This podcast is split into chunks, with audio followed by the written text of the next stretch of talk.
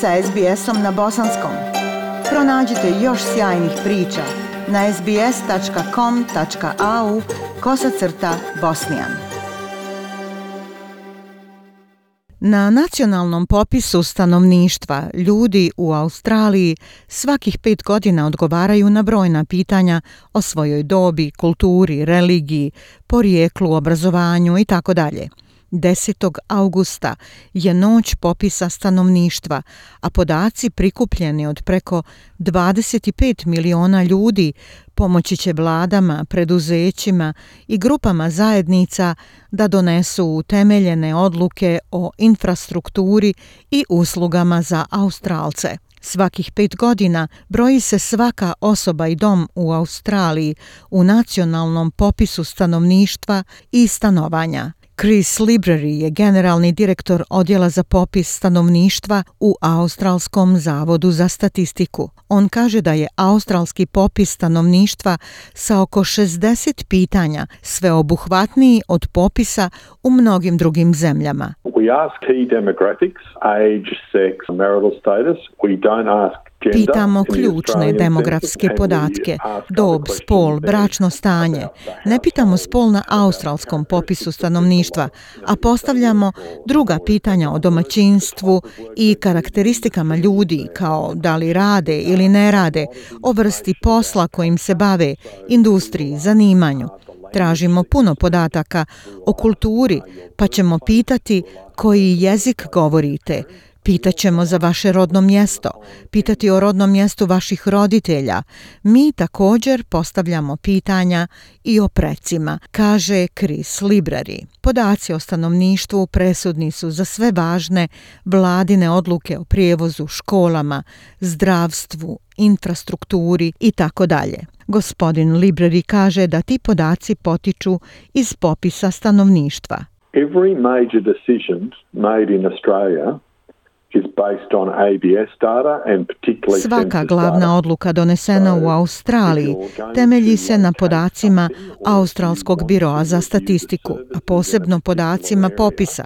Dakle, ako ćete nešto pronaći ili ako želite pregledati usluge u određenom području, morate znati ko tamo živi i njihove karakteristike i popis pruža te informacije. Jamie Newman, izvršni direktor Orange Aboriginal Medical Service, kaže da su podaci popisa korisni za službu kako bi utvrdila potrebe zajednice na Srednjem zapadu we are able to redesign or design additional service delivery or enhance service delivery. U mogućnosti smo redizajnirati ili dizajnirati pružanje dodatnih usluga ili poboljšati pružanje usluga gledajući taj popis stanovništva.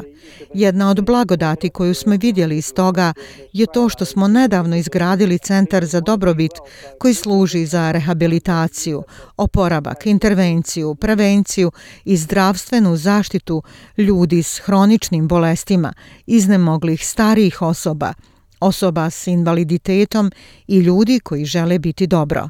Dakle, izgradili smo to iz vlastitih sredstava, ali znali smo da će to biti značajno. Australski biro za statistiku izgradio je novi sistem nakon popisa 2016. godine, kada je popis stanovništva morao biti ugašen zbog kibernetičkih napada kako bi se zaštitili podaci. Australski državni ured za reviziju u novembru 2020. godine rekao je da je planiranje sljedećeg popisa stanovništva samo djelimično učinkovito i utvrdio da postoje slabosti u sistemu. Generalni direktor odjela za popis stanovništva Chris Library kaže da je novi sistem najmoderniji i izgrađen po najvišim standardima. We also engaged the Australian security agencies, notably Također smo angažovali australske sigurnosne agencije, posebno ono što se naziva Cyber Security Center,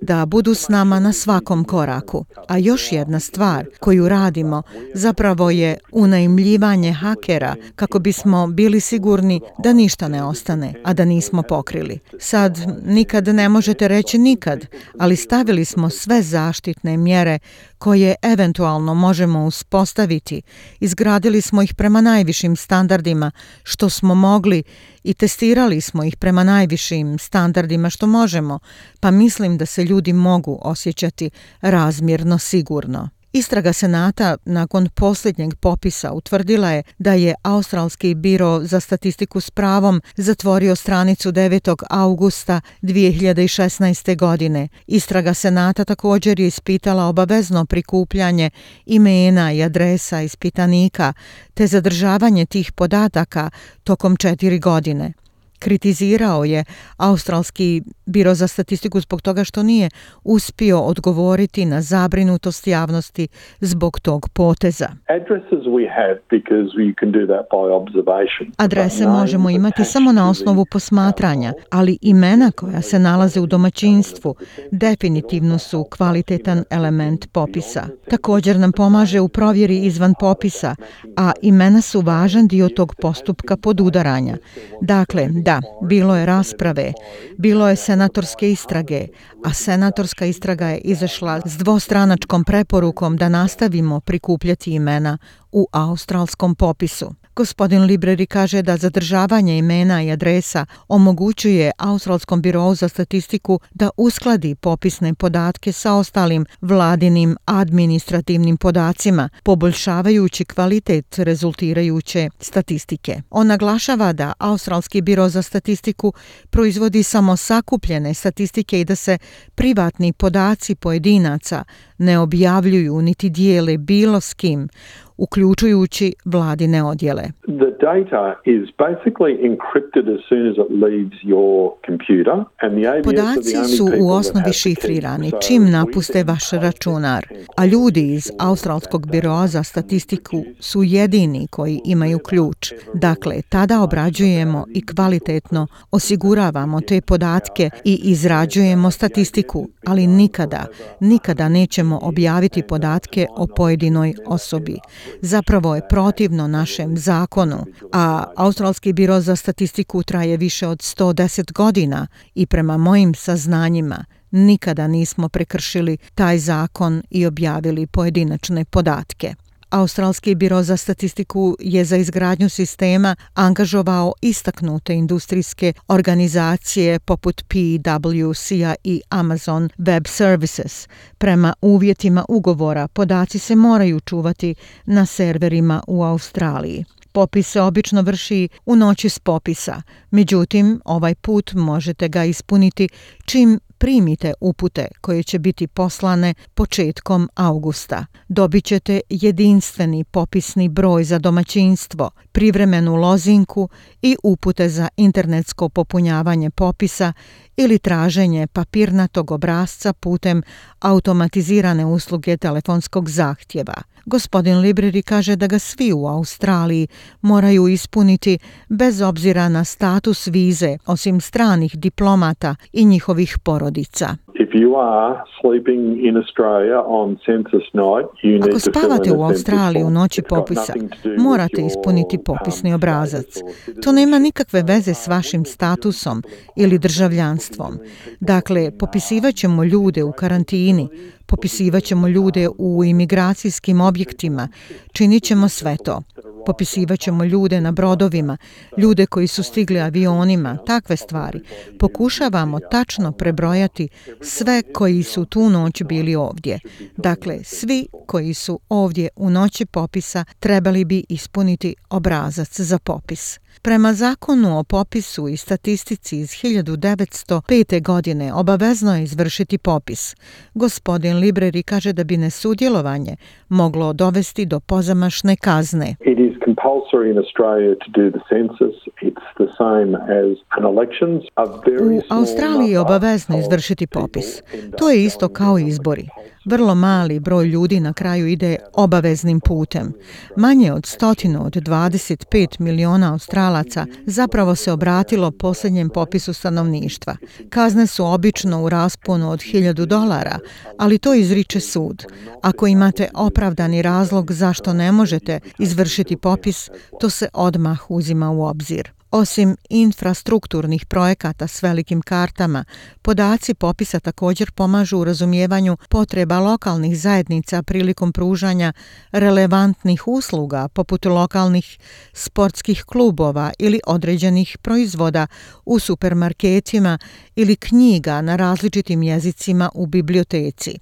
Jamie Newman iz Orange Aboriginske medicinske službe kaže da je to način da se ima riječ u sistemu. Government funding naturally is based on Državno finansiranje prirodno se temelji na našem broju stanovništva, a naše zajednice i svi nivoji vlasti gledaju na te podatke, tako da postoji pravedna raspodjela sredstava, jer je samo fair iznos sredstava dostupan na svim nivoima vlasti. Sudjelovanje u popisu stanovništva i upis na izbore način je na koji ljudi imaju pravo glasa. Gospodin Njuman kaže da je sudjelovanje u popisu autohtonih i migrantskih zajednica presudno ako žele da se njihov glas čuje.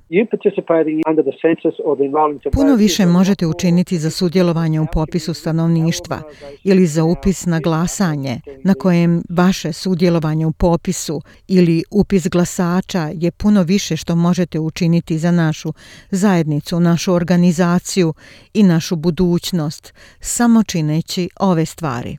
Za informacije o popisu stanovništva na vašem jeziku potražite web stranicu 2021 Census. Ja sam Aisha Hadži Ahmetović. Ostanite uz SBS radio. Like, share, comment.